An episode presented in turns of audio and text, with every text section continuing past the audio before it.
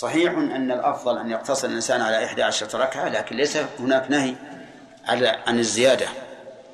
على كل حال فيه دليل على أنه ينبغي للإنسان ألا يتخلف عن الجماعة بل يصلي معهم. حتى أن النبي صلى الله صلى الله عليه وسلم قال إذا أقيمت الصلاة فلا صلاة إلا المكتوبة وفي لفظ إلا التي أقيمت.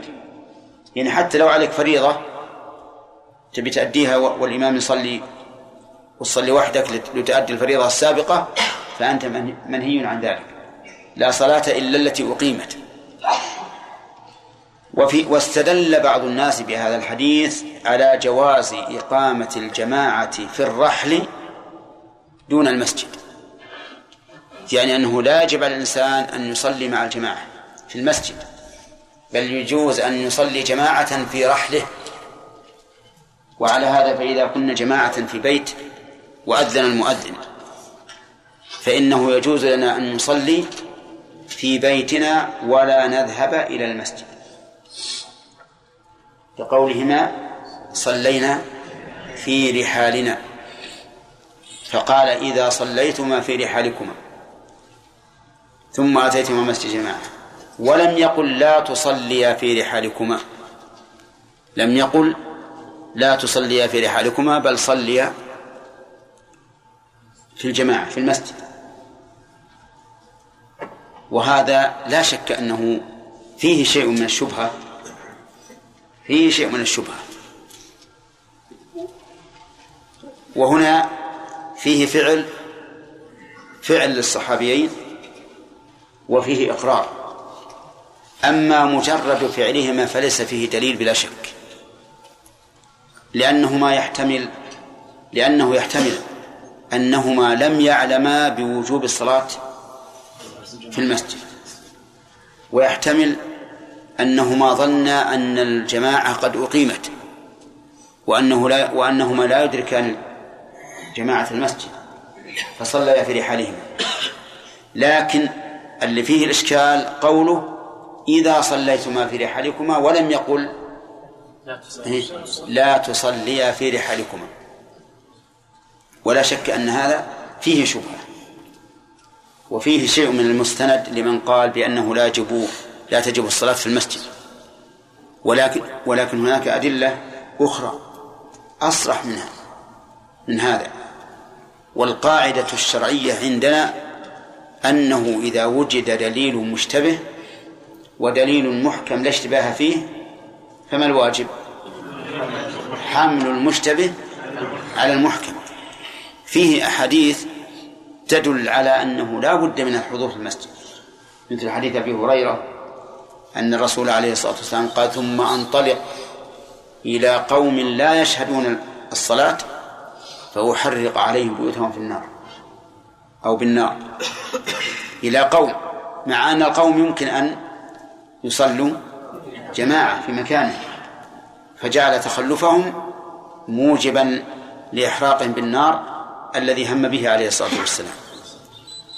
ومنها أن النبي صلى الله عليه وسلم لما استأذنه الرجل الأعمى أن يصلي في بيته أذن له ثم دعاه فقال هل تسمع النداء؟ قال نعم. قال فأجب.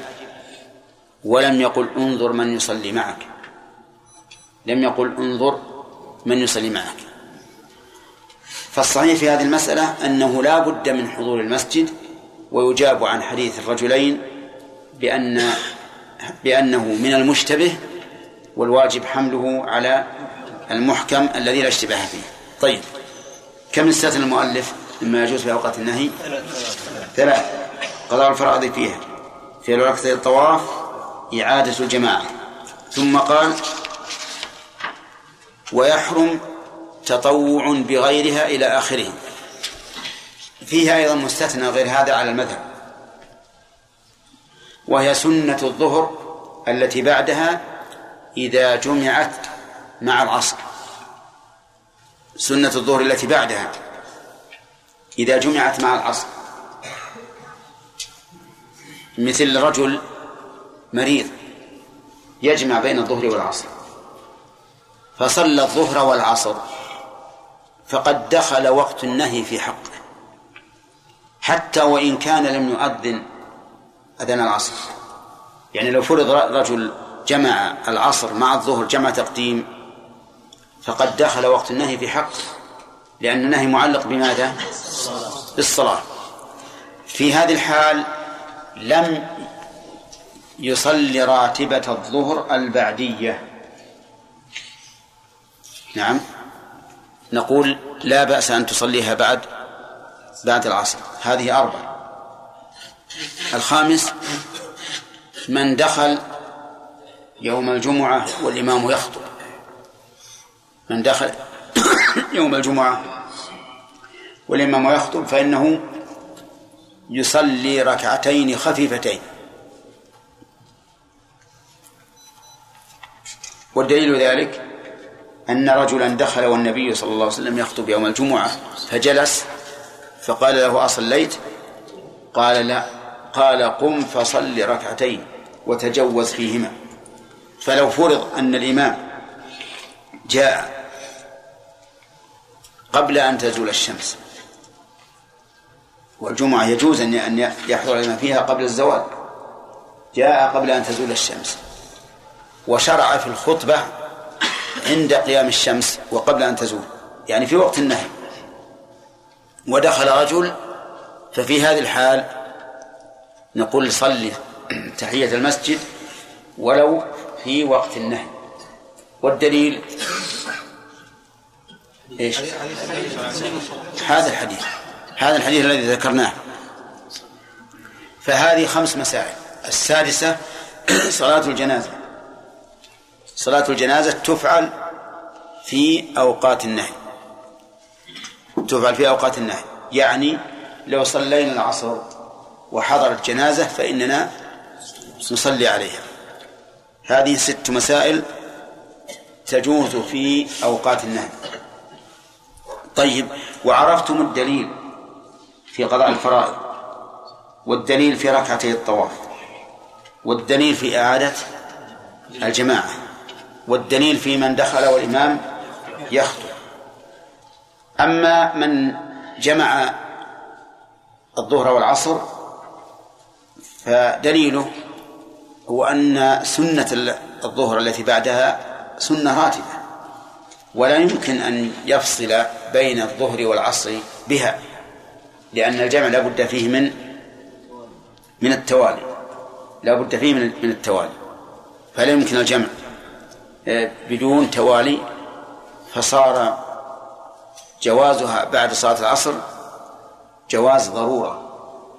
وأما صلاة الجنازة فلعموم الأدلة في وجوب الصلاة على الميت و وفي أنه ينبغي الإسراع في دفنه. يقول مالك رحمه الله ويحرم تطوع بغيرها في شيء من الأوقات الخمسة. يحرم تطوع بغيرها في شيء من الأوقات الخمسة. طيب. الأوقات الخمسة عرفتموها. أنها بالبسط خمسة على المذهب الآن نعدها على المذهب. من طلوع الفجر إلى طلوع الشمس.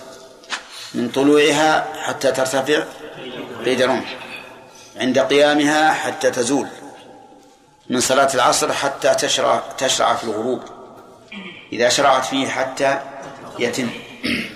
يقول مؤلف يحرم التطوع بغيرها أي بغير المتقدمات من إعادة الجماعة وركعتي الطواف وسنة وتحية المسجد لمن دخل والإمام يخطب. نعم. حتى ما له سبب. حتى ما له سبب.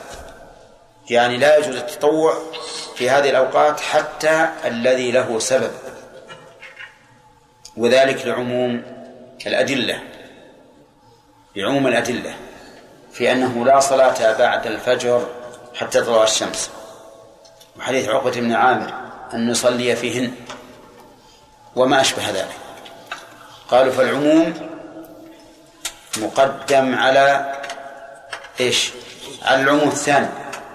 لأن لأن الذي له سبب الذي له سبب في الواقع تعارض مع أحاديث النهي حيث كان كل منهما عاما من وجه خاصا من وجه. ولنأخذ مثلا تحية المسجد. تحية المسجد. فيها قوله صلى الله عليه وسلم إذا دخل أحدكم المسجد فلا يجلس حتى يصلي ركعتين. هذا فيه عموم في الوقت. مستفاد من قوله إذا دخل. لأن يعني إذا ظرفية هي شرطية ظرفية. يعني في أي وقت يدخل المسجد فلا يجلس حتى يصلي ركعتين. عرفتم هذا عموم؟ طيب. في خصوص وهو أن هذه الصلاة المأمور بها على سبيل العموم صلاة مخصوصة وهي تحية المسجد. ففيه عموم وفيه خصوص. طيب. لا صلاة بعد العصر.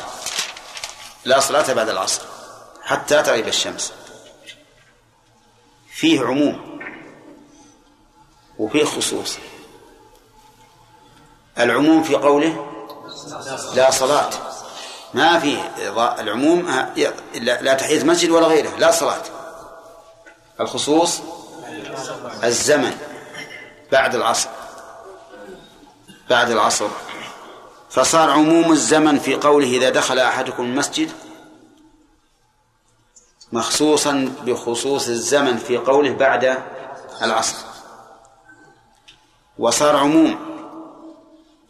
إذا دخل أحدكم آه نعم. لا صلاة بعد بعد العصر عمومه يتعارض مع خصوص تحية المسجد. فلهذا صار بينهما عموم عموم وخصوص فإذا دخل إنسان المسجد إن قلت له صل خالفت النهي. ووافقت. ها؟ الأمر. وإن قلت لا تصلي وافقت النهي وخالفت الأمر. فهمتم يا جماعة؟ إذا ماذا ماذا؟ هل أوافق الأمر؟ أو أوافق النهي؟ يقول المؤلف وافق النهي يعني معناه انتهي. لا تخالف النهي. فلا تصلي. فلا تصلي. علتهم في ذلك يقولون إنه اجتمع مبيح وحاضر. اجتمع مبيح وحاضر. أو اجتمع أمر ونهي. أمر ونهي. فالاحتياط ها؟ التجنب. الاحتياط التجنب. خوفا من الوقوع في النهي. كما قالوا إذا اجتمع مبيح وحاضر قدم الحاضر. إذا اجتمع مبيح وحاضر قدم الحاضر. فلذلك نمنع. ونقتصر على ما ورد به النص من إعادة الجماعة وركعتي الطواف وما أشبهه وذهب بعض أهل العلم إلى ترجيح الأمر الخاص وعللوا ذلك بأنه تعارض عامان وخاصة والعام في النهي مخصوص بمسائل متفق عليها. خلوكم معي. العام في النهي مخصوص بمسائل متفق عليها. ما هو العام في النهي؟ لا صلاة بعد العصر حتى تغرب الشمس. مخصوص بمسائل متفق عليها. وهي قضاء الفرائض. متفق عليها. قضاء الفرائض متفق عليها. إعادة الجماعة. ها؟ متفق عليها. ركعتي الطواف. متفق عليها. ركعتي تحية المسجد لمن دخل ولمن يخطب يوم الجمعة. متفق عليه. فلما كان هذا العموم مخصوصا بمسائل متفق عليها صار صار عمومه أو صارت دلالته على العموم ضعيفة. صارت دلالته على العموم ضعيفة لأنه صار عموما مخرقا. مخرقا يعني مستثنى في أشياء متفق عليها. فضعف عمومه ضعف عمومه. حتى إن بعض العلماء من الأصوليين قال إن العام إذا خص بطلت دلالته على العموم نهائيا لأن تخصيصه يدل على عدم إرادة العموم. وإذا بطل تخصيص بطل عمومه لم يكن معارضا للأحاديث الدالة على فعل هذه الصلوات التي لها سبب. أظنه واضح. ولا اللغة غير عربية؟ واضح. طيب. ولهذا نقول إن القول الصحيح في هذه المسألة أن أن ما له سبب يجوز في أوقات النهي كلها الطويلة والقصيرة. لأن عمومه محفوظ. هذا واحد. والعموم المحفوظ أقوى من العموم المخصوص. يعني معنى محفوظ أنه لم يخصص. فهذا العموم المحفوظ أقوى من العموم المخصوص. ثانيا أن نقول ما الفرق بين العموم في قوله من نام عن صلاة أو نسيها فليصلها إذا ذكرها وقوله إذا دخل أحدكم المسجد فلا يجلس حتى يصلي ركعتين. فإذا قلتم إن قوله من نام عن صلاة أو نسيها عام في الزمن فليكن قوله إذا دخل أحدكم المسجد فلا يجلس عاما في الزمن ولا فرق لا فرق. فإن قوله من نام عن صلاة من نفسها فليصليها إذا ذكرها خاص في الصلاة عام. إيش؟ في, في الزمن. كذلك إذا دخل أحدكم المسجد فلا يجلس حتى يوصل ركعتين خاص في الصلاة عام في الزمن. فكيف تأخذون بعموم من نام عن صلاة أو نسيها وتقولون إنه مخصص لعموم لا صلاة بعد الصبح أو بعد العصر؟ ولا تأخذون بعموم إذا دخل أحدكم المسجد فلا يجلس حتى يصلي ركعتين فالصحيح أن ما له سبب يفعل في أوقات النهي. للأوجه الآتية. أولا أن عمومها إيش؟ محفوظ. والعموم المحفوظ أقوى من العموم المخصوص. طيب. ثانيا أنها مقرونة بسبب. مقرونة بسبب. فيبعد أن يقع فيها الاشتباه في مشابهة المشركين. لأن النهي عن طلوع عن الصلاة قبل طلوع الشمس وقبل غروبها لئلا يتشبه المصلي بالمشركين الذين يصلون لها أي للشمس إذا طلعت وإذا غربت. فإذا أحيلت الصلاة على سبب معلوم كانت المشابهة بعيدة أو غير بعيدة. بعيدة. لأن أي واحد يقول ليش صلي الآن؟ قال لأنه دخل المسجد مثلا. لأنه توضأ والوضوء يسن يسن عقبه الصلاة. ثالثا أن في بعض ألفاظ أحاديث النهي لا تتحروا الصلاة. لا تتحروا. والذي يصلي لسبب هل يقال إنه متحرر للصلاة عند عند طلوع الشمس وغروبها؟ لا. ما يقال إنه متحرر. بل يقال صلى لسبب. المتحري هو الذي يرقب الشمس فإذا قاربت الطلوع مثلا قام وصلى. أو الذي يرقب وقت النهي فإذا جاء وقت النهي قام فصلى. فلهذه الوجوه الثلاثة كان القول الراجح أن ما له سبب يجوز أن يصلى في أوقات النهي. وهذا مذهب الشافعي. وإحدى الروايتين عن الإمام أحمد رحمه الله واختيار الشيخ الإسلام بن تيمية وشيخنا عبد الرحمن بن سعدي وشيخنا عبد العزيز بن باز وهو الراجح. المهم أن الأدلة تؤيد هذا القول. وعلى هذا فإذا دخلت المسجد لصلاة المغرب قبل الغروب بربع ساعة هل تجلس أو تصلي؟ تصلي. ولا حرج. بل لو جلست لكنت واقعا في نهي الرسول صلى الله عليه وسلم عن الجلوس لمن دخل المسجد حتى يصلي ركعتين. وقول المؤلف حتى ما له سبب إشارة إشارة إلى أي شيء؟ إلى الخلاف في هذه المسألة. مع أن الخلاف قوي. وقد ذكر بعض المتأخرين أنهم إذا قالوا ولو كذا فالخلاف قوي. وإذا قالوا وإن كان كذا فالخلاف أضعف يعني قوي ولكنه أضعف. وإذا قالوا حتى فالخلاف ضعيف ولكن الخلاف في هذه المسألة قوي جدا لا من حيث الدليل ولا من حيث المخالفين. ما تقولون في رجل توضأ بعد صلاة العصر؟ توضأ بعد صلاة العصر. هل يصلي سنة الوضوء أو لا يصلي؟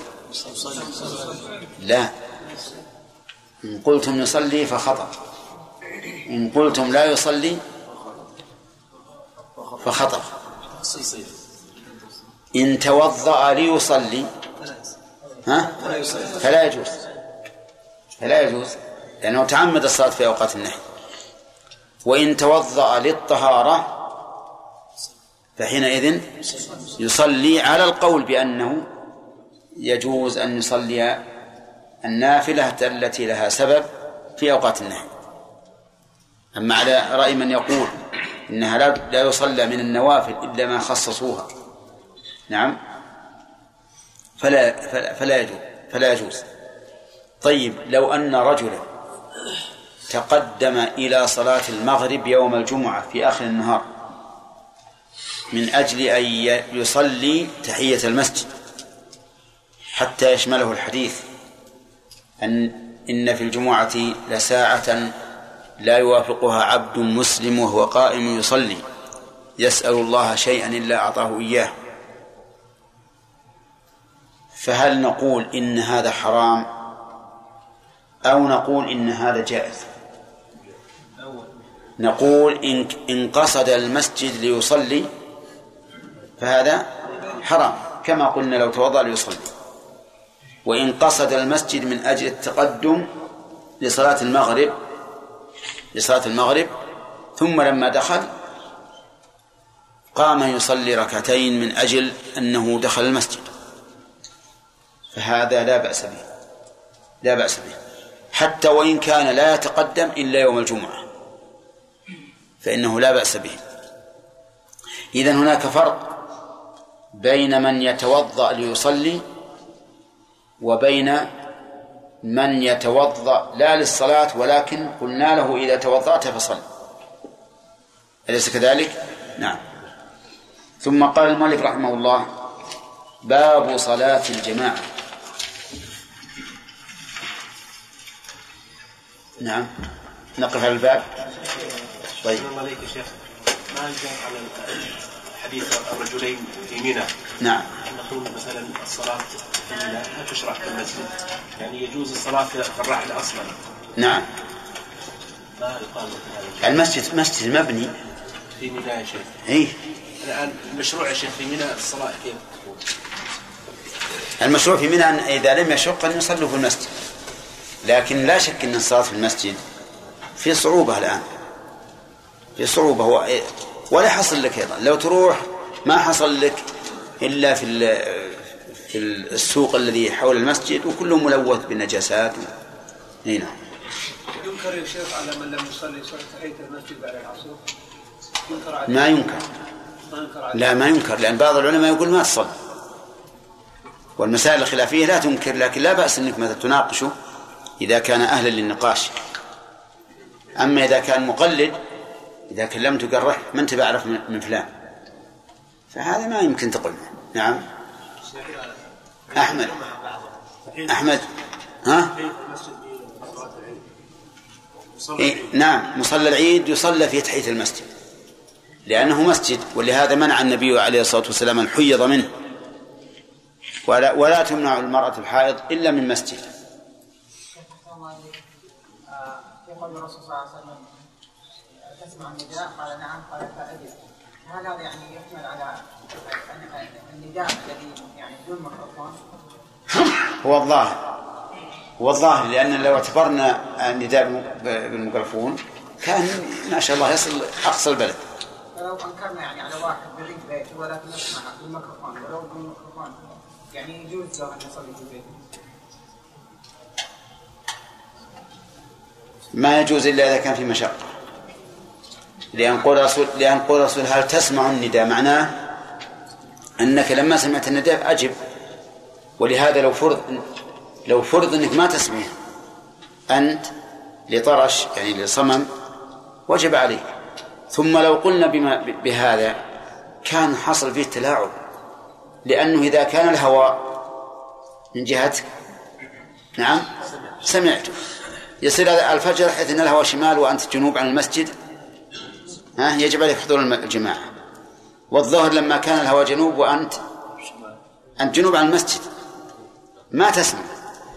نقول ما تجب عليك. كيف يعني نحمل على أنه يعني معناه ما ما ما جاء ما ما كان يسمعه لولا المانع وجب عليه. نعم. بالنسبة للامر قوله صلى الله عليه وسلم إذا دخل أحدكم المسجد فلا يسلم فلا يجلس حتى يصلي ركعتين. نعم. النهي. هذا ما هو أمر هذا نهي. لا الامر بالصلاة بالاستجابة. إن هو أمر أمر بالصلاة. طيب النهي عن عدم الجلوس عن الجلوس قبل الصلاة. نعم. ما نوع؟ ها؟ يعني يجب إن الواحد يصلي ولا؟ هذا في خلاف بين العلماء. هل تحية المسجد واجبة أو لا؟ فمنهم من قال إنها واجبة. واستدل بما ذكرت بالنهي والأصل في النهي التحريم. واستدل بقول الرسول صلى الله عليه وسلم قم فصل ركعتين. فأمره أن يصلي ركعتين مع أنه يجب عليه الإنصات لسماع الخطبة. قالوا ولا يمكن أن يؤمر بشيء يتضمن ترك واجب إلا وهو واجب. والحقيقة أن القول بوجوب تحية المسجد قول قوي جدا. وأنه يخشى على من لم يصل لتحية المسجد أن يكون آثما لكن هناك أدلة قد يكون ظاهرها عدم الوجوب مثل دخول الرسول عليه الصلاة والسلام يوم الجمعة المسجد فيشرع في الخطبتين ويجلس بينهما دون صلاة وإن كان هذا قد يقال إنه أخي. قد يقال إن هذا أن الخطبة تابعة لصلاة الجمعة. وفيه أيضا أن كعب بن مالك لما دخل المسجد بعد أن تاب الله عليه لم يصلي ركعتين وأقره النبي عليه الصلاة والسلام على ذلك. وتعلمون أن قصة كعب بن مالك متأخرة في السنة إيش؟ التاسعة. وفيه أيضا قصة الثلاثة الرجال الذين دخلوا والنبي عليه الصلاة والسلام جالس في أصحابه فبعضهم جلس في الحلقة وبعضهم استحيا وجلس خلفها والثالث انصرف وظاهره أنهم لم يصلوا ولم يأمرهم النبي عليه الصلاة والسلام. المهم إن في أحاديث قد تمنع الإنسان من الجزم بوجوب تحية المسجد لكن لا شك أن الذي يتركها على خطأ على خطأ أما صلاة الكسوف فالصحيح أنها واجبة. وأنه لو كسفت الشمس بعد صلاة العصر فإنها تصلى الكسوف. أي نعم. من؟ من دخل المسجد يصلي نعم إذا كان جاهل يرشد. لكن ننكر عليه ونقول يا فلان أنت أخطأت وكذا ما ننكر عليه نرشده. نعم يا آدم. شيخ في بعض الناس. يعني بالنسبة عندهم شبهة بالنسبة للجلوس وتحت المسجد والوقوف. يعني مثلا من أحد الطلاب رأيناها إذا دخل مثلا في وقت النهي مثلا صلاة الفجر أو يعني بعد المغرب يقرأ. بعد المغرب ما في نهي. يعني قبل المغرب. يعني قبل المغرب. ها. يعني يقرأ ما ما يصلي تحت المسجد. إذا سألناه يقول أنا ما جلست. قال إيه. أقرأ وي- وش يقول في هذا؟ يعني يقول ما يجلس يقف. يقف ولا يبدأ يتردد في المسجد. ويقول أنا ما جلست. نقول هذا ظاهري ظاهري. فلا يجلس. المكث في المسجد نوع من الجلوس. المكث في المسجد نوع من الجلوس. ولهذا نهى النبي عليه الصلاة والسلام الحائض أن تطوف بالبيت. مع أنها ما جلست. فجعله مكث مكثا مع الدوران. من باب إضافة الأخ. هنا نعم. إضافة الشيء إلى سببه إلى سببه يعني باب الصلاة التي سببها التطوع. نعم. بندر. من باب إضافة الشيء إلى نوعه. نعم. طيب. ما هي الحكمة يا بندر من صلاة التطوع؟ حكمتان اولا ليزيد بها ايمان العبد ثانيا لتكون تكميلا لما نقص من الفرائض نعم. زيادة الإيمان والعمل الصالح وتكميل ما نقص من الفرائض. وهكذا جميع التطوعات. آه، المؤلف رتب صلاة التطوع رتب صلاة التطوع. نعم. الأخ. أي نعم. بناء على إيش؟ ها؟ على إي نعم معلوم هي مرتب على الآكدية لكن على أي شيء من الآكدية محمد. نعم. رتب الآكدية على فعلها في جماعة. فما كان يفعل في جماعة فهو أوكد من غيره طيب آه، آك آكد صلاة التطوع يا هشام. ما حضرت درس هذا مع أبد؟ كسوف ثم. ثم؟ ثم. تمام. طيب. الوتر له صفات عنيان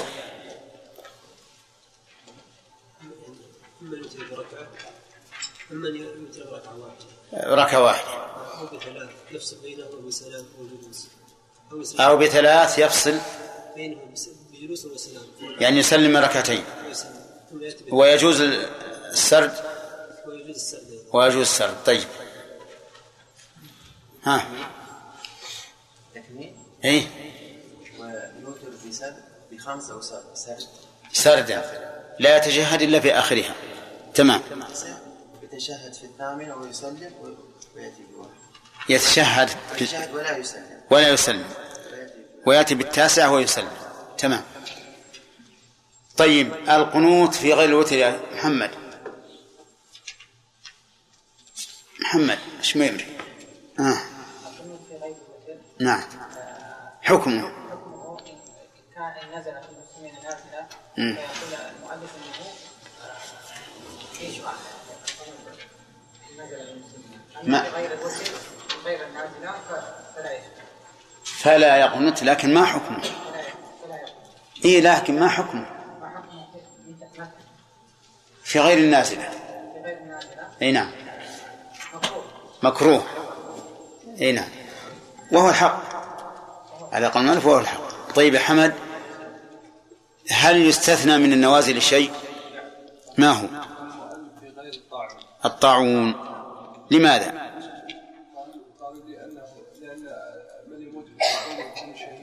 نعم.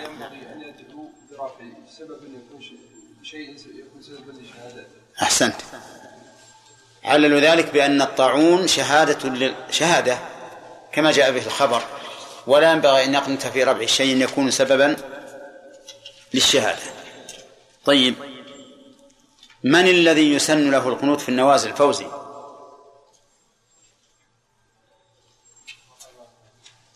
أحمد. الإمام الأعظم. يعني رئي- الرئيس الأعلى في الدولة. هو الذي يسن له أن يقنت. أما من سواه؟ فقد اختلف فيه. والمؤلف يرى ومن سواه لا يقنت. من سواه لا يقنت طيب. آه، ما هو ما هي العلة؟ الأخ. ما هي العلة في أنه لا يقنت في النوازل إلا الإمام الأعظم؟ يعني بقية المساجد ما تقنت. ها؟ أن النبي صلى الله عليه وسلم قنت ولم ينقل أن غيره من المساجد قنتوا هذا واحد. هذا دليل. يعني آه، إن لو قنت مثلا مسجد فلان وبقي مسجد فلان لقالوا فلان كاره له وفلان إيش محب له فصار آه. خلاف والتواحد بين القلوب لكن مباراه ما نقول كلهم يقنتون.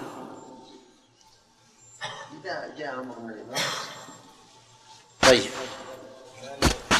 ها كي يجتمعوا يا شيخ في مسجد واحد ويكون لا. ما هو مشروع الاجتماع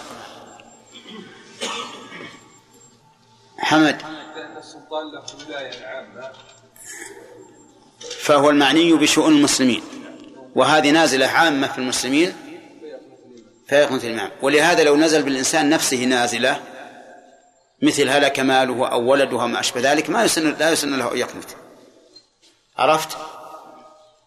فيقولون ما دامت النازلة عامة فالمعني بشؤون المسلمين هو الإمام فيكون طلب القنوت موجها إليه.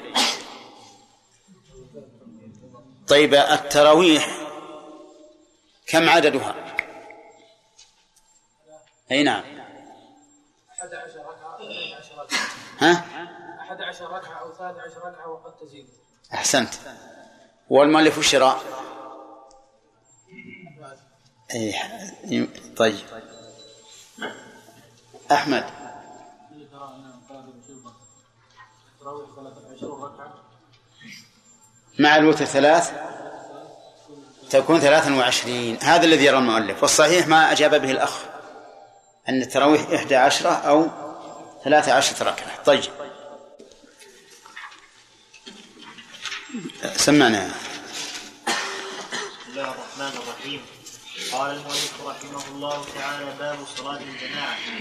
تلزم الرجال للصلوات الخمس لا شرط وله فعلها في بيته. وتستحب صلاة أهل الثغر في مسجد واحد. بس. بسم الله الرحمن الرحيم. الحمد لله رب العالمين. والصلاة والسلام على نبينا محمد وعلى آله وأصحابه أجمعين. قال المؤلف رحمه الله تعالى باب صلاة الجماعة. الظاهر أن هذا من باب إضافة الموصوف إلى صفته. يعني باب الصلاة التي تجمع وتفعل جماعة. صلاة الجماعة مشروعة بإجماع المسلمين وهي من أفضل العبادات وأجل الطاعات ولم يخالف فيها إلا الرافضة. الذين قالوا إنها لا إنه لا جماعة إلا خلف إمام معصوم. ولهذا لا يصلون جمعة ولا جماعة. قال فيهم شيخ الإسلام رحمه, رحمه الله إنهم خربوا المساجد أو هجروا المساجد وعمروا المشاهد يعني القبور. فهم لا يرون لا يرون الجماعة. وإلا فإن المسلمين جميعا اتفقوا على مشروعيتها ولم يقل أحد بأنها غير مشروعة ولا بأنها جائزة ولا بأنها مكروهة لكن اختلفوا في فرضيتها هل هي فرض أو سنة مؤكدة أو فرض كفاية يعني هل هي فرض عين أو فرض كفاية أو سنة مؤكدة. وهي واجبة كما سنذكره. قال المؤلف تلزم الرجال. تلزم اللزوم الشيء الثبوت. لزوم الشيء يعني ثبوته. وشيء لازم أي ثابت لا بد منه. والفقهاء رحمهم الله تارة يعبرون بتلزم وتارة يعبرون بتجب. وتارة يعبرون بفرض وما أشبه ذلك. وكلها عبارات مختلفة اللفظ متفقة. إيش؟ المعنى. واللفظ المختلف مع اتفاق المعنى يسمى عند علماء اللغة يسمى مترادفا. قال المؤلف تلزم الرجال. تلزم هذا وصف. والرجال وصف. فنبدأ أولا بذكر دليل الحكم الذي هو اللزوم. لأن تلزم يعني ليس السنة بل هي واجبة. ودليل ذلك أي دليل وجوبها من كتاب الله وسنة رسوله صلى الله عليه وسلم. ففي القرآن قال الله تعالى وإذا كنت فيهم فأقمت لهم الصلاة فلتقم طائفة منهم معك. فلتقم. واللام للأمر. والأصل في الأمر الوجوب. فلتقم طائفة منهم معك. ويؤكد أن الأمر الوجوب هنا أنه أمر بها مع الخوف. مع أن الغالب أن الناس إذا كانوا في خوف تكون يكونون متشوشين يحبون أن يبقى أكثر الناس يرقب العدو. فلتقم طائفة معك وليأخذوا أسلحتهم وليأخذوا أسلحتهم معهم حتى لا يفجأهم العدو.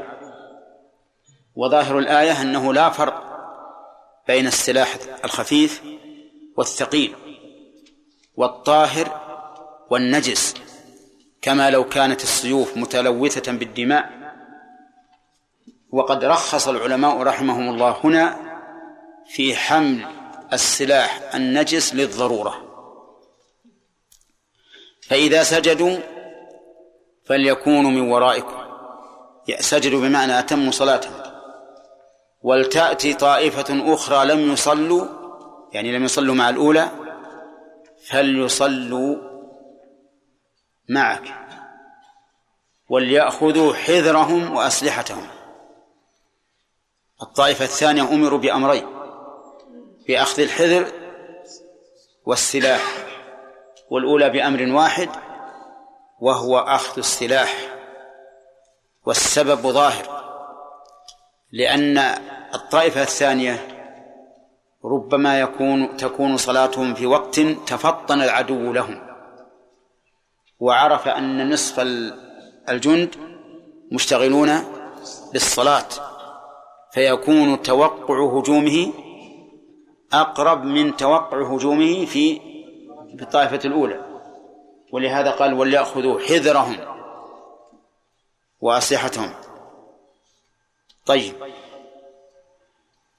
فهنا أمر الله عز وجل بصلاة الجماعة وتفريق الجند إلى طائفتين فيستفاد منه أن صلاة الجماعة فرض عين فرض عين. وجه ذلك أنها لو كانت فرض كفاية لسقط الفرض إيش؟ بصلاة الطائفة الأولى بصلاة الطائفة الأولى. إذن فهي فرض عين. يؤخذ من هذه الآية الكريمة أنها فرض وفرض عين. أما الأحاديث يعني السنة فكثيرة. منها حديث أبي هريرة رضي الله عنه أن النبي صلى الله عليه وسلم قال لقد هممت أن آمر بالصلاة فتقام ثم آمر رجلا فيصلي بالناس ثم انطلق معي برجال معهم حزم من حطب إلى قوم لا يشهدون الصلاة فأحرق عليهم بيوتهم بالنار. فقد هم بذلك لكنه لم يفعل ولم يمنعه من الفعل لأن الصلاة ليست بواجبة. إذ لو كانت غير واجبة ما صح أن ينطق بهذا اللفظ. لو كانت غير واجبة لكان هذا الكلام لغوا لا فائدة منه. لكن الذي منعه والعلم عند الله أنه لا يعاقب بالنار إلا رب النار عز وجل.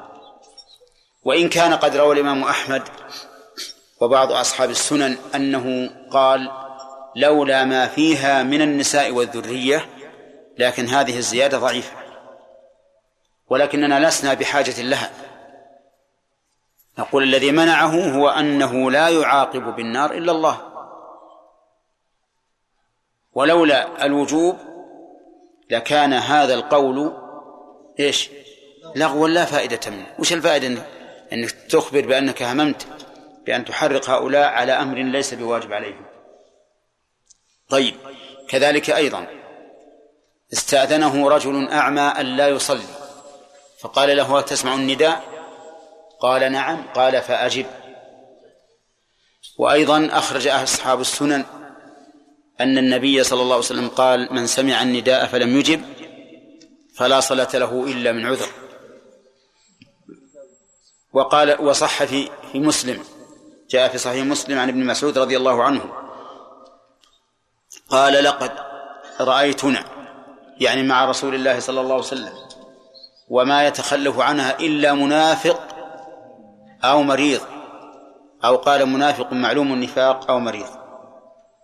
ولقد كان الرجل يؤتى به يهادى بين الرجلين حتى يقام في الصف. إلى هذا الحد الرجل مريض يؤتى به يهادى بين الرجلين يمشى بين الرجلين شوي شوي حتى يقام في الصف. ولأن ما فيها من المصالح والمنافع يدل على أن الحكمة في وجوبها ففيها التواد التواد بين الناس لأن ملاقاة الناس بعضهم بعضا ومصافحة الناس بعضهم بعضا توجب المودة. ثانيا فيها التعارف التعارف. ولهذا نجد أن الناس إذا صلى عندهم رجل غريب في المسجد جعلوا ها؟ يسألون عنه. من هذا؟ من الذي صلى معنا؟ فيحصل التعارف. والتعارف فيه فائدة. من منها أنه قد يكون قريبا لك فيلزمك من من صلته بقدر قرابته.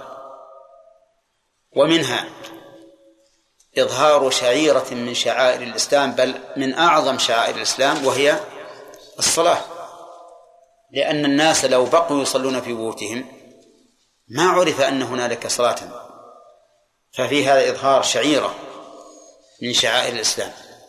ومنها إظهار العز عز المسلمين. إذا دخلوا المساجد ثم خرجوا جميعا بهذا الجمع. ومنها أيضا التواد أو ذكرناها. ومنها تعليم الجاهل. تعليم الجاهل. فإن كثيرا من الناس يستفيد ما يشرع في الصلاة بواسطة صلاة الجماعة حيث يقتدي بمن إلى جنبه ويقتدي بالإمام وما أشبه ذلك. ومنها تعويد الأمة الإسلامية على الاجتماع وعدم التفرق. لأن هذا الاجتماع يشكل اجتماع الأمة عموما إذ أن الأمة عموما مجتمعة على طاعة ولي أمرها وقائد مسيرتها هذه الصلاة في الجماعة ولاية صغرى ولاية صغرى لأنهم يقتدون بمن؟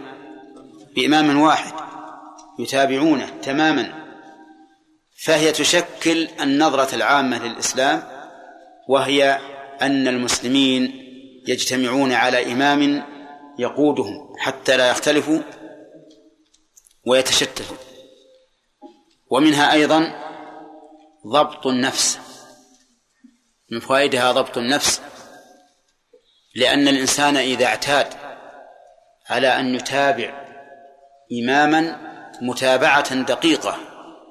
إذا كبر إيش؟ فكبروا متابعة. لا تتقدم ولا تتأخر كثيرا ولا توافق بل تابع. فيتعود الإنسان بهذا ضبط النفس. ومنها استشعار الناس وقوفهم صفا في الجهاد. كما قال الله تعالى إن الله يحب الذين يقاتلون في سبيله صفا وهؤلاء الذين صاروا صفا في الجهاد لا يتقدم بعضهم على بعض. لا شك أنهم إذا تعودوا ذلك في الصلوات الخمس كل يوم خمس مرات سوف يكون وسيلة إلى ائتمامهم بقائدهم فيما في صف الجهاد حيث لا يتقدمون ولا يتأخرون عن أوامره ومنها شعور المسلمين بالمساواة. الشعور بالمساواة. لأنه في هذا المسجد يجتمع أغنى الناس إلى جنب أفقر الناس والأمير إلى جنب المأمور والحاكم إلى جنب المحكوم والصغير إلى جنب الكبير وهكذا. فيشعر الناس بأنهم سواء. ولهذا أمر بمساواة الصفوف. حتى قال الرسول عليه الصلاة والسلام لا تختلفوا فتختلف قلوبكم. ومنها أيضا ما يحصل من تفقد الأحوال أحوال الفقراء أحوال المرضى. فإن الإنسان إذا رؤي مع الناس وعليه ثياب بالية ويبدو عليه علامة الجوع. رحمه الناس ورقوا له وتصدقوا عليه. كذلك إذا تخلف عن الجماعة وفقد عرف الناس أنهم أنه كان مريضا مثلا أو ماذا حصل له فيسألون عنه. فالمهم هذه عشر فوائد وحكم من مشروعية صلاة الجماعة. مع ما فيها من الأصل الأصيل وهو التعبد لله تعالى بهذا الاجتماع. يعني إذا كان الناس يجتمعون على ملاعب الكورة آلاف المؤلفة فهم يجتمعون على على لغو وله لا فائدة فيه إلا فائدة قليلة للاعبين فقط. أما المشاهدون فليس لهم فائدة إطلاقا. أقول إذا كانوا يجتمعون على هذا فاجتماعهم على هذه الصلاة التي هي أرك أعظم أركان الإسلام بعد الشهادتين عبادة عظيمة لله عز وجل. في فيؤدون بذلك هذه العبادة العظيمة. نخلي هذه حاجة عشر. الثاني عشر استشعار آخر هذه الأمة بما كان عليه أولها أي بأحوال الصحابة. كأنما يستشعر الإمام أنه في مقام الرسول عليه الصلاة والسلام في إمامة الجماعة. ويستشعر المأمون أنهم في مقام من؟ في مقام أصحاب الرسول عليه الصلاة والسلام. ولا شك أن ارتباط آخر الأمة بأولها يعطي الأمة الإسلامية دفعة قوية إلى اتباع السلف واتباع هديهم. وليتنا كلما فعلنا فعلا مشروعا نستشعر هذا الشعور.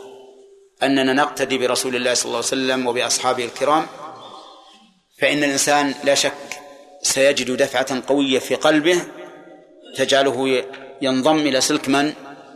سلك السلف الصالح. فيكون سلفيا لا زمنا ولكن عقيدة وعملا وسلوكا ومنهجا. نعم. نعم. ما رأيك في بعض الأفعال التي ها؟ تجلب التوادد كيف؟ ما رأيك في بعض الأفعال التي تجلب التوادد مثل المصافحه والقاء السلام أي نعم هذه هذه هذه أيضا فيها فائدة.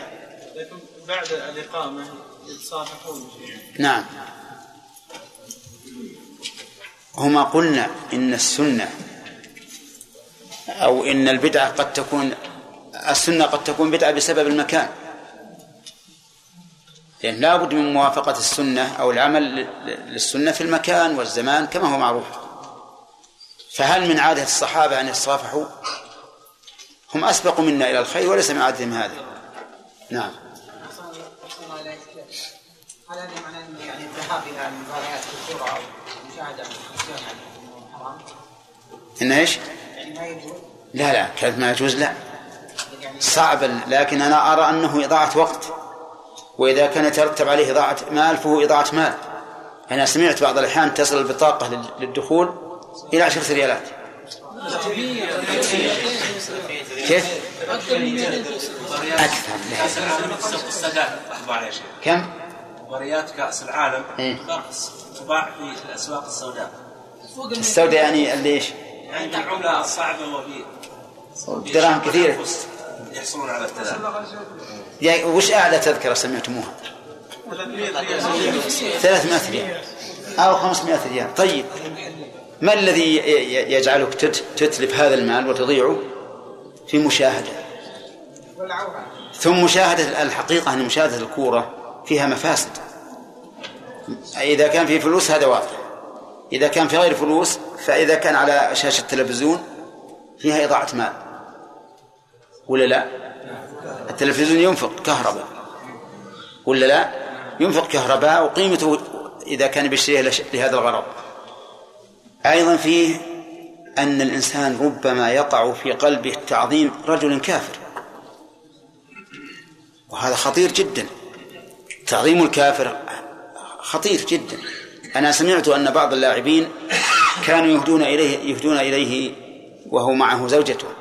يهدون إليه الذهب. الذهب يهدونه إليه.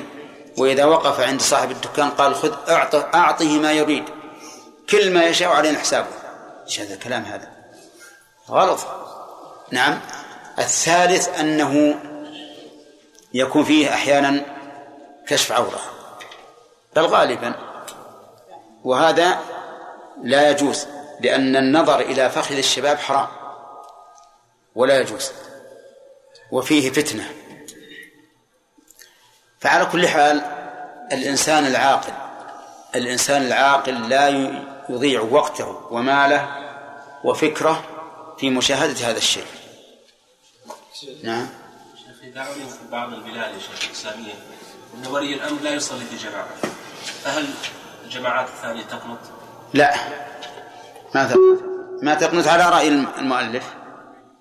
أما على القول الثاني إحنا ذكرنا فيها ثلاثة أقوال. ومرت علينا الظاهر وأنت في غيبتك.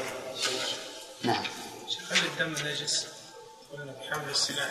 أي نعم على عند أكثر أهل العلم نجس أكثر أهل العلم على أن دم الآدمي كغيره. نجس. الصحيح أنه ليس بنجس ما في دليل على نجاسته لكن الاحتياط أولى. كونك تغسله خروجا من خلاف أكثر العلماء أحسن. نعم. الله بن مسعود رضي الله عنه أنه قال كان يوجد الرجل يتهادى بين الرجلين حتى يوقف في الصف.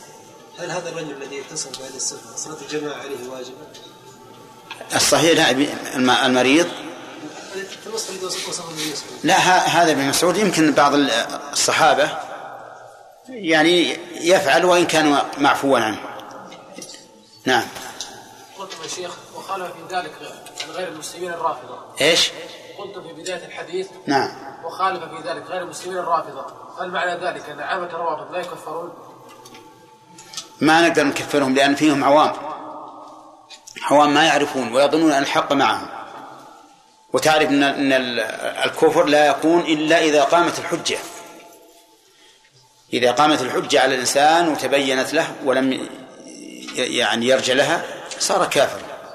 أما عام ما يعرف ولا وعاش في مجتمع بهذا الشيء ولا يعرف سواه فلا يمكن أن نكفره وهو ينتسب إلى الإسلام نعم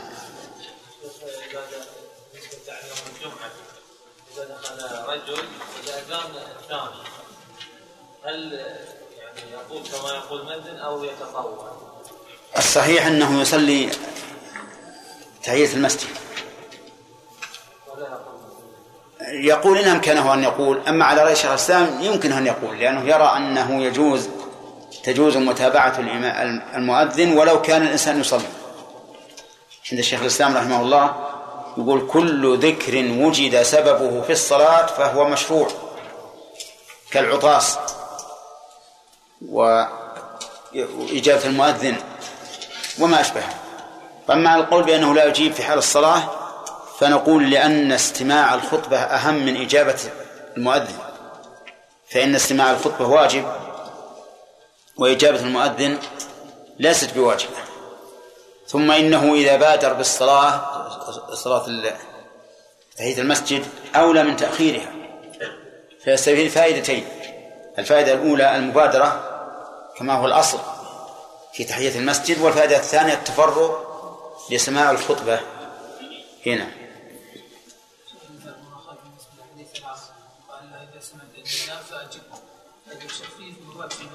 يرى ممكن المسجد لكن يكون على المسافة بعيدة ما يسمع صوت فنقول عليه يجب عليك بالسير أن تذهب لأن المسجد. يعني يرى المسجد لكن على مسافات يمكن كذا كذا أي. يعني يحتاج كذا إلى خلف السبب يقولون إن زرقاء اليمامة ترى الشيء مسيرة ثلاثة أيام. فإذا كان رجل قوي البصر ويرى المسجد مسيرة ثلاثة أيام نقول له اذهب إلى المسجد لتصلي الظهر. فيقعد ثلاثة أيام ما وصل عشان يصلي الظهر قبل ثلاثة أيام. على كل حال هذه تأتي إن شاء الله في الخلاف. هل تجب الجماعة في المسجد أو الواجب حصول الجماعة ولو في البيت؟ فيها خلاف. إذا قلنا الواجب حصول الجماعة ولو في البيت فمعناه يجوز نصلي جماعة في بيتنا والمسجد إلى جانبنا. ولكن سيأتي الخلاف في هذا. نعم. إيه ما ما ضبطت. نعم يا محمد. بين الغروب تقريبا 10 دقائق حنا ما قيدناها يا جماعة في قلنا عند الغروب كالذي عند الشروق. عبد الرحمن. لا. إي نعم قبل أن تقرب إلى تمام عشر دقائق وبين ذكرنا لكم بارك الله فيكم. تضيف الشمس الغروب إذا كان بينها وبين الغروب رمح. قيد رمح تقريبا عشر دقائق أو أكثر. المهم قيد رمح كما جاء كما ذكر في طلوع الشمس. طيب. صلاة الجماعة حكمها. واجبة. دليل ذلك؟ الرسول صلى الله عليه وسلم المعنى معنى الحديث لو أجد واحدا يصلي قال لا حرقت بيوت من لا يصلي من لا يحضر الجماعة. اللي ما يحضرون الجماعة يحرق عليهم بيوتهم بالنار. نعم. طيب. في غير هذا من الق- القرآن؟ ما في دليل من القرآن؟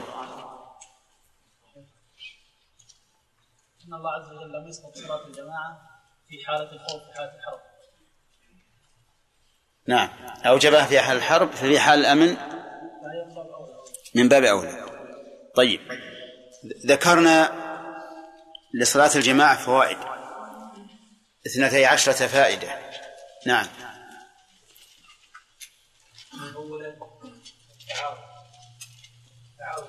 تعارف بين المسلمين. التواد بينهم. ثالثا الاعتياد الصفوف امام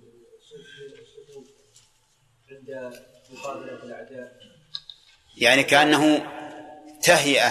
فهي نعم. نعم.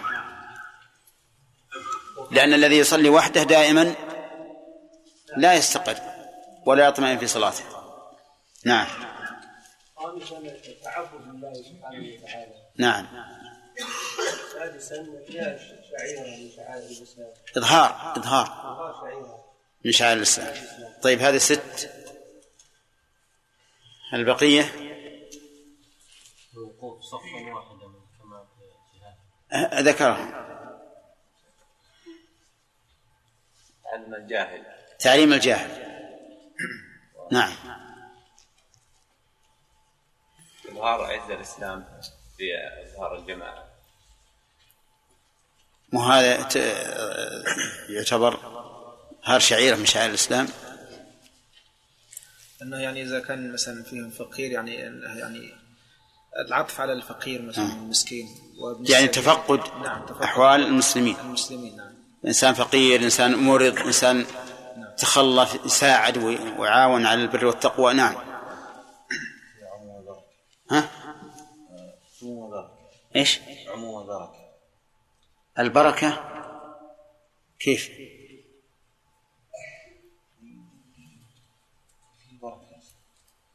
يعني حصول الأجر بذلك؟ طيب. نعم. محمد. أحمد أحمد. ذكرناه. محمد. إيش؟ نعم.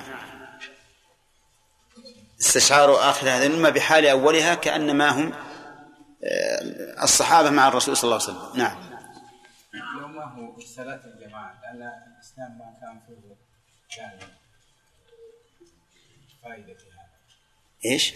ما هو فيه صلاة الجماعة أي. ما كان الإسلام فيه شعائر أي يعني معناها إظهار الشعائر هذا ذكرناه.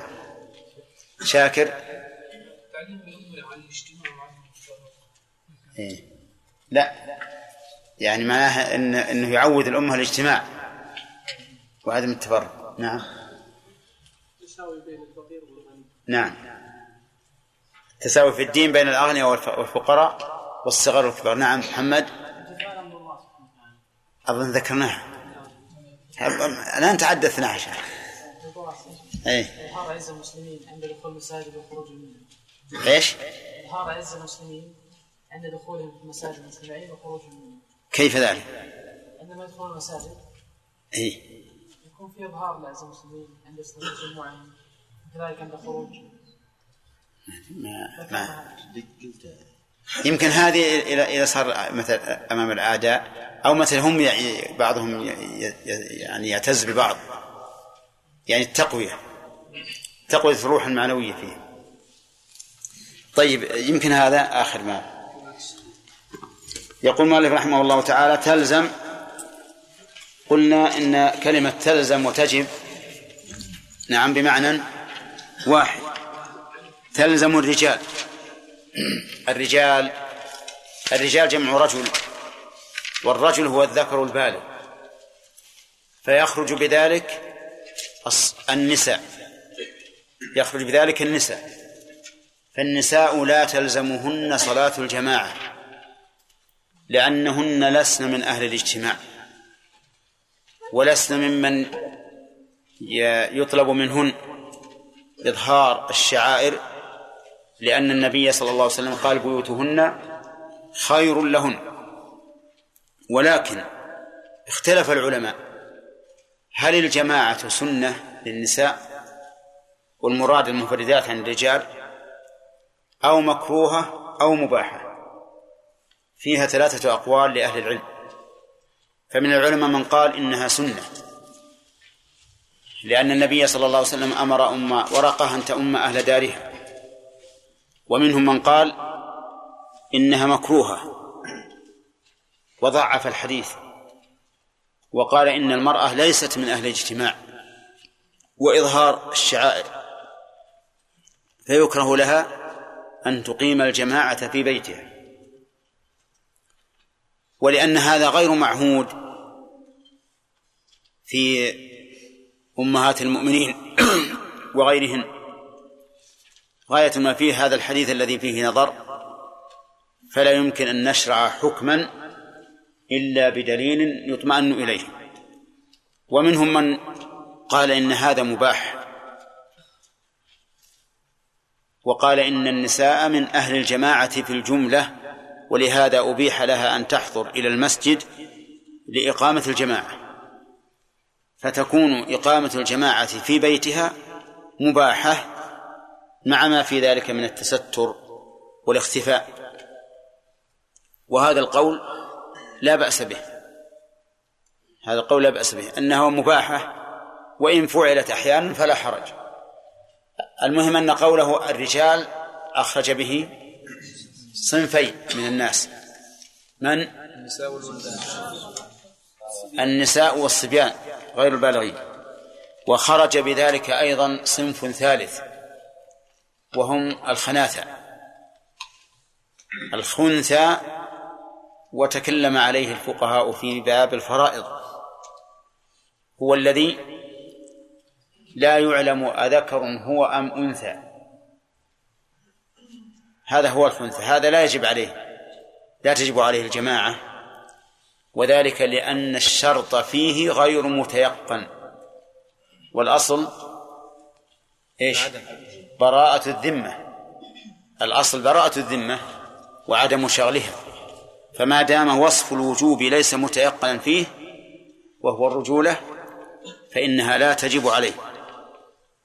إذا خرج بذلك ها؟ ثلاثة أصناف. آه ذكر في نعم عموم كلام المؤلف الرجال عموم كلام المؤلف الرجال يدخل فيه العبيد يدخل فيه العبيد.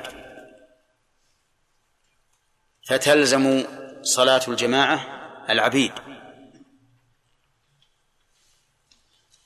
لأن النصوص عامة ولم يستثن منها العبيد. ولأن حق الله مقدم على حق البشر. ولهذا لو أمره سيده بمعصية حرم عليه أن يطيعه. فإذا كان لا يجوز للعبد أن يفعل المعصية بأمر سيده فكيف إذا لم يأمره؟ وهو إذا ترك الجماعة فقد فعل معصية. وهذا القول هو الصحيح. أنها تلزم العبيد كما تلزم الأحرار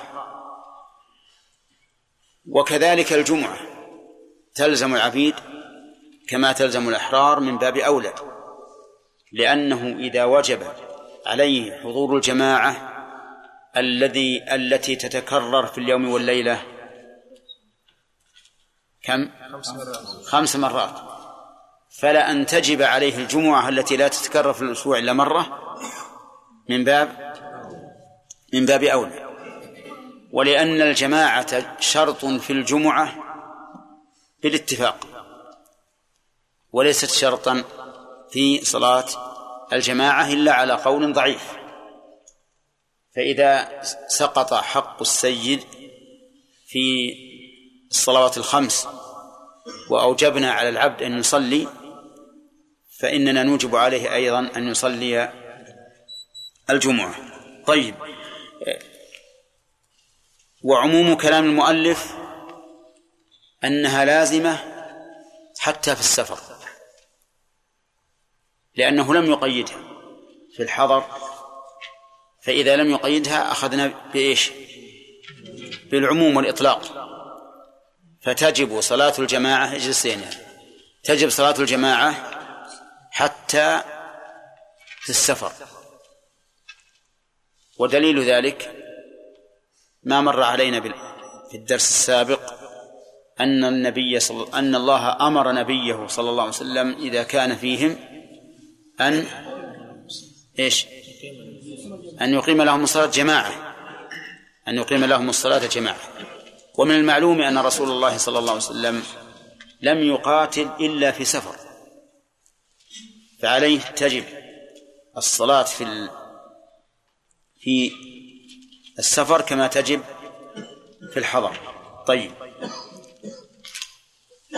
للصلوات الخمس. للصلوات يعني أنها أنها واجبة للصلاة. وليست واجبة في الصلاة. انتبه. لأن الواجب تارة يكون واجبا للصلاة وتارة يكون واجبا فيها. فالواجب فيها يكون من ماهيتها. مثل التشهد الأول التكبير التسميع التحميد هذا واجب فيها. الواجب لها ما كان خارجا عنها مثل الأذان والإقامة والجماعة لأن هذا خارج عن ماهية الصلاة فيكون واجبا لها وليس واجبا فيها. وقوله للصلوات الخمس هي يا آدم. عليها. الصلاة الخمس ما هي؟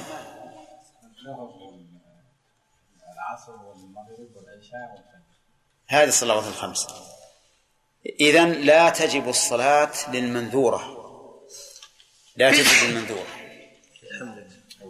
يعني لو نذر الإنسان أن يصلي لله ركعتين فإنه لا تلزمه الجماعة لأنها ليست إيش؟ من الصلوات الخمس. طيب. و ولا تجب للنوافل. لا تجب للنوافل. فلو أراد الإنسان أن يصلي تطوعا فإنه لا لا يجب عليه صلاة الجماعة لأنها ليست من الصلوات الخمس. ولكن هل تجوز صلاة النافلة جماعة أو نقول إن ذلك بدعة. في هذا تفصيل.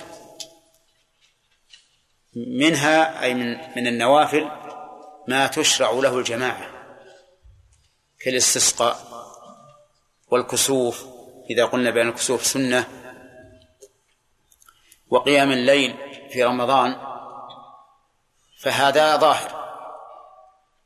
ومنها أي من النوافل ما لا تسن له الجماعة كالرواتب تابعة للمكتوبات وكصلاة الليل في غير رمضان فهذا لا تشرع له جماعة لكن لا بأس أن يصليه جماعة أحيانا لا بأس أن يصليه جماعة أحيانا. ودليل ذلك أن الرسول صلى الله عليه وسلم كان يصلي أحيانا جماعة في صلاة الليل كما صلى معه ابن عباس وصلى معه حذيفة بن اليمان وصلى معه عبد الله بن مسعود وأحيانا يصلي حتى صلاة الليل جماعة كما صلى بأنس وأم سليم. ويتيم مع أنس. وكما صلى جماعة في عتبان ابن مالك رضي الله عنه في بيته حين طلب من النبي صلى الله عليه وسلم أن يأتي إليه ليصلي في مكان يتخذه عتبان مصلى. ففعل النبي عليه الصلاة والسلام. المهم صلاة النافلة الآن فهمنا أنها تنقسم إلى قسمين. قسم يشرع له الجماعة مثل؟ الكسوف. والاستسقاء. وقيام رمضان. وقسم لا يشرع له الجماعة لكن لا بأس من فعله أحيانا كالرواتب وصلاة الليل في غير رمضان وبقية النوافل. طيب للصلوات الخمس. قوله للصلوات الخمس ظاهره. أنه لا فرق بين أن تكون مؤداة أو مقضية. أنه لا فرق بين أن تكون مؤداة أو مقضية. المؤدات ما فعل في وقته والمقضي ما فعل بعد وقته.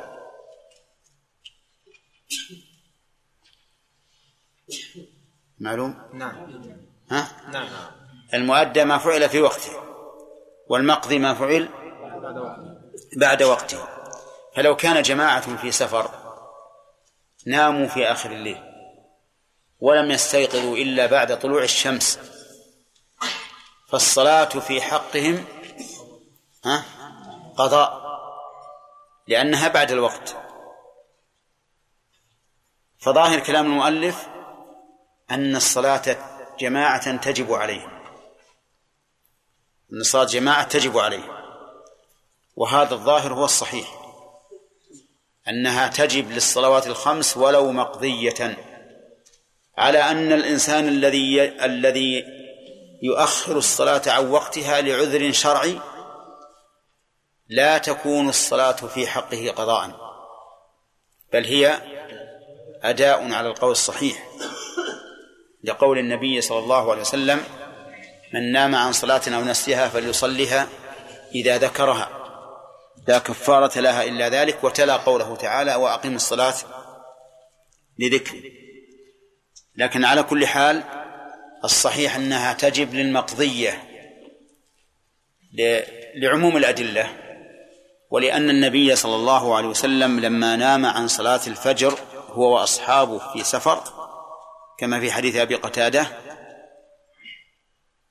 أمر بلالا فأذن. ثم صلى سنة الفجر. ثم صلى الفجر كما يصليها في العادة جماعة ويجهر بالقراءة. فإذا نام قوم في السفر ولم يستيقظوا إلا بعد طلوع الشمس قلنا لهم افعلوا كما تفعلون في العادة تماما. أذنوا وقولوا الصلاة خير من النوم. وصلوا سنة الفجر وأقيموا الصلاة واجهروا فيها بالقراءة كالعادة. وقول المؤلف تلزم الرجال للصلوات الخمس.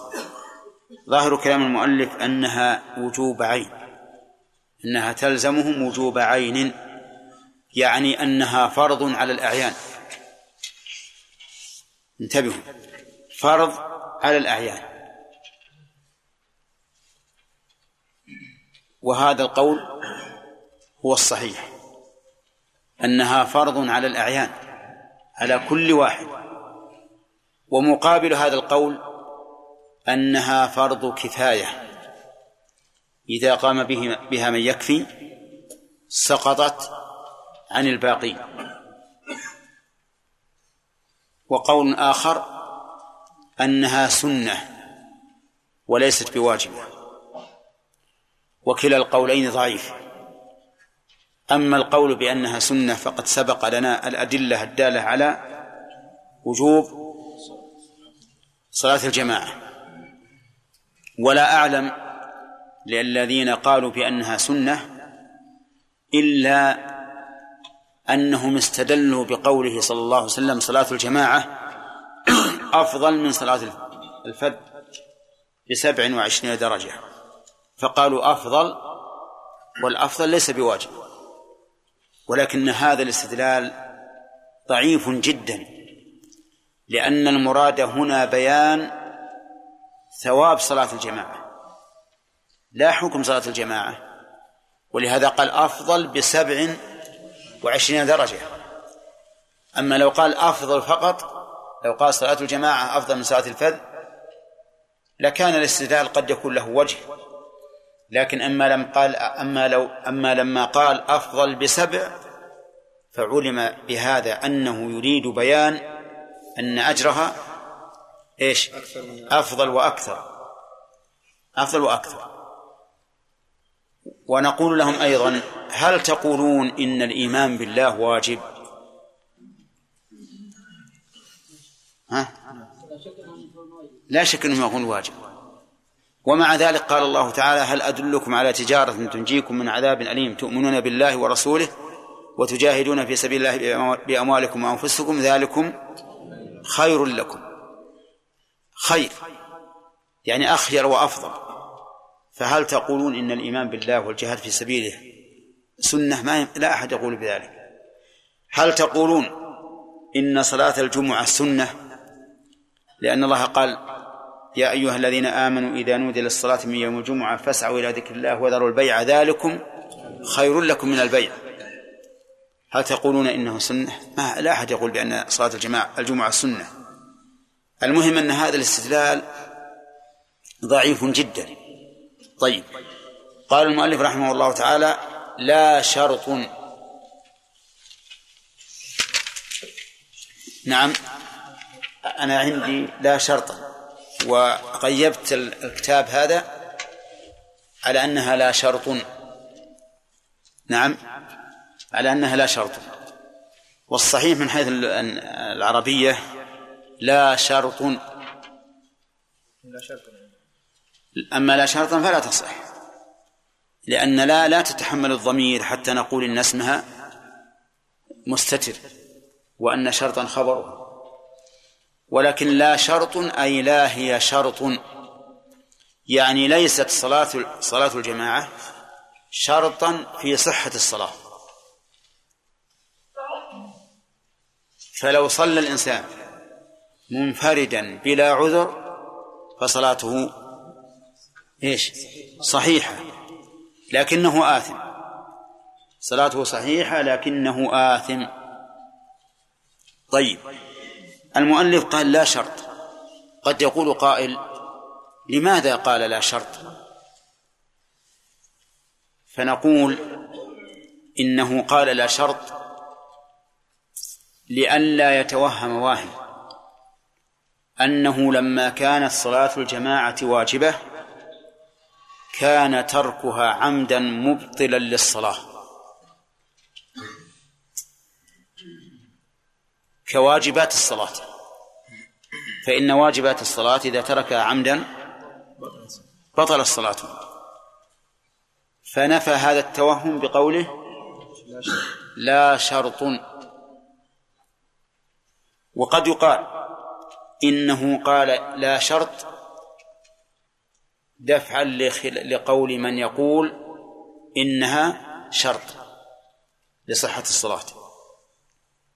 فصار الآن لو سألنا سائل لماذا قال المؤلف لا شرط مع أنه لا حاجة إليه؟ قلنا يحتمل أمرين. الأمر الأول دفع توهم بطلان صلاة المنفرد بلا عذر حيث إنه قال إنها واجبة. والمعروف أن الواجب إذا تركه الإنسان عمدا بطل الصلاة. الثاني احتمال الثاني. أي دفع. قول من يقول إنها شرط. والذي قال إنها شرط لصحة الصلاة الشيخ الإسلام ابن تيمية رحمه الله وابن عقيل وكلاهما من الحنابلة وهو رواية عن الإمام أحمد. وعلى هذا القول لو صلى الإنسان منفردا بلا عذر شرعي فصلاته باطلة. كما لو ترك الوضوء مثلا. طيب إذا قال قائل لا بد أن أن تبينوا لنا الدليل الذي تمسك به من قال إنها شرط للصحة. فنقول استدل هؤلاء بأن الجماعة واجبة. واجبة للصلاة. توعد النبي صلى الله عليه وسلم على من توعد من تركها بأن يحرق بأنه هم أن يحرق عليهم بيوتهم بالنار. وإذا كانت واجبة فالقاعدة الشرعية أن من ترك واجبا في عبادة بلا عذر فإن تلك العبادة تبطل. تبطل. هذه القاعدة الشرعية. فإذا أقررت بأنها واجبة للصلاة لزمك أن تقول ببطلان صلاة من تركها من ترك هذا الواجب. ولكن هذا القول ضعيف. هذا القول ضعيف. ويضعفه أن النبي صلى الله عليه وسلم قال صلاة الجماعة أفضل من صلاة الفذ بسبع وعشرين درجة. والمفاضلة تدل على أن المفضل عليه فيه فضل. أولى تدل على أن المفضل عليه فيه فضل. ويلزم من من وجود الفضل فيه أن يكون إيش؟ أن يكون صحيحا. لأن الصحيح لأن غير الصحيح ليس فيه فضل بل فيه إثم. وهذا دليل واضح على أن صلاة الفرد صحيحة ضرورة أن فيها أتم أن إثم. صحيحة ضرورة أن فيها فضل فضلا. إذ لو لم تكن صحيحة لم يكن فيها فضل لكنه آثم. لكن شيخ الإسلام رحمه الله أجاب بأن هذا الحديث في حق المعذور. يعني من صلى منفردا لعذر فصلاة الجماعة أفضل من صلاته بسبع وعشرين درجة. قال ولا مانع من وجود الفضل على مع العذر. فها هي المرأة وصفها النبي صلى الله عليه وسلم بأنها ناقصة دين لتركها؟ ها؟ الصلاة أيام الحيض. مع أن تركها للصلاة أيام الحيض لعذر شرعي. لو صامت لآثمت فهي ممنوعة شرعا من من الصلاة. ومع ذلك صارت ناقصة عن الرجل وهي لم تأثم بهذا الترك. قال فالمعذور إذا صلى في بيته فإنه فإن صلاة الجماعة أفضل من صلاته بسبع وعشرين درجة. ولكن هذا يورد عليه أن النبي صلى الله عليه وسلم قال من مرض أو سافر كتب له ما كان يعمل صحيحا مقيما. فهذا دليل على أن من ترك الطاعة لعذر المرض كتبت له. ويمكن أن يجيب عنه بأن بأن المراد من كان من عادته إيش؟ أن يفعل. لأنه قال كتب له ما كان يعمل. صحيحا مقيما ولكن مع كل هذا فإن ما أخذ شيخ الإسلام ابن تيمية في هذه المسألة ضعيف رحمه الله. والصواب ما عليه الجمهور من أن الصلاة صحيحة ولكنه آثم لترك الواجب. وأما قياس ذلك على التشهد الأول مثلا وعلى التكبيرات الواجبة والتسبيح فهو فهو قياس مع الفارق. لأن صلاة الجماعة واجب وإيش للصلاة. وأما التشهد الأول والتسميع والتكبير فهذا واجب في الصلاة فهو ألصق بها من الواجب لها. طيب إذا ما ذهب إليه المؤلف هو القول الصحيح أن صلاة المنفرد صحيحة لا يلزم بالإعادة ولكنه ولكن عليه الإثم. قال لا شرط. نعم. إيش؟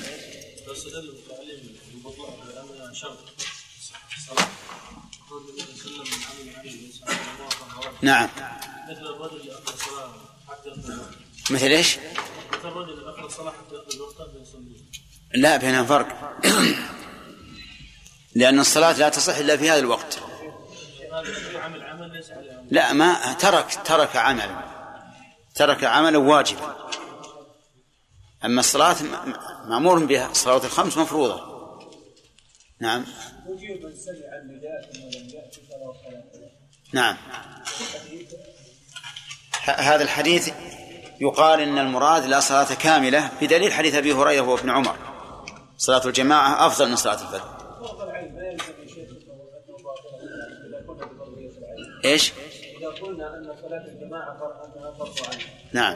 فلا يلزم من صلاة المراد لا لا لأن لأن الجماعة وصف فيها. ما هو يعود على ذاتها؟ وصف اجتماع الله أكبر الله المصنف رحمه الله تعالى وله فعلها في بيته. وتستحب صلاة أهل الثغر في مسجد واحد والأفضل لغيرهم في المسجد الذي لا تقام فيه الجماعة إلا بحضوره ثم ما كان أكثر جماعة ثم المسجد العتيق وأبعد ثم المسجد الكسر. ثم المسجد العتيق وأب- وأبعد وأبعد أولى من أبعد. وأبعد أولى من أقرب ويحرم أن يؤم في مسجد قبل إمامه الراتب بس. بسم الله الرحمن الرحيم. الحمد لله رب العالمين. والصلاة والسلام على نبينا محمد وعلى آله وأصحابه ومن تبعهم بإحسان إلى يوم الدين. سبق لنا بيان حكم صلاة الجماعة وأنها واجبة وأن الدليل عليها من كتاب الله وسنة رسوله صلى الله عليه وسلم وكذلك ما تتضمنه من المصالح العظيمة يؤكد وجوبها. وسبق أنها لا تلزم لا تجب إلا على الرجال دون الإناث ودون الصغار. وسبق أنها تجب على القول الراجح على العبيد لعموم الأدلة. وسبق أيضا أنها تجب للصلوات الخمس سواء كانت مؤدات أو مقضية على القول الراجح. وسبق لنا أن العلماء اتفقوا على أنها من أجل الطاعات وأفضل العبادات.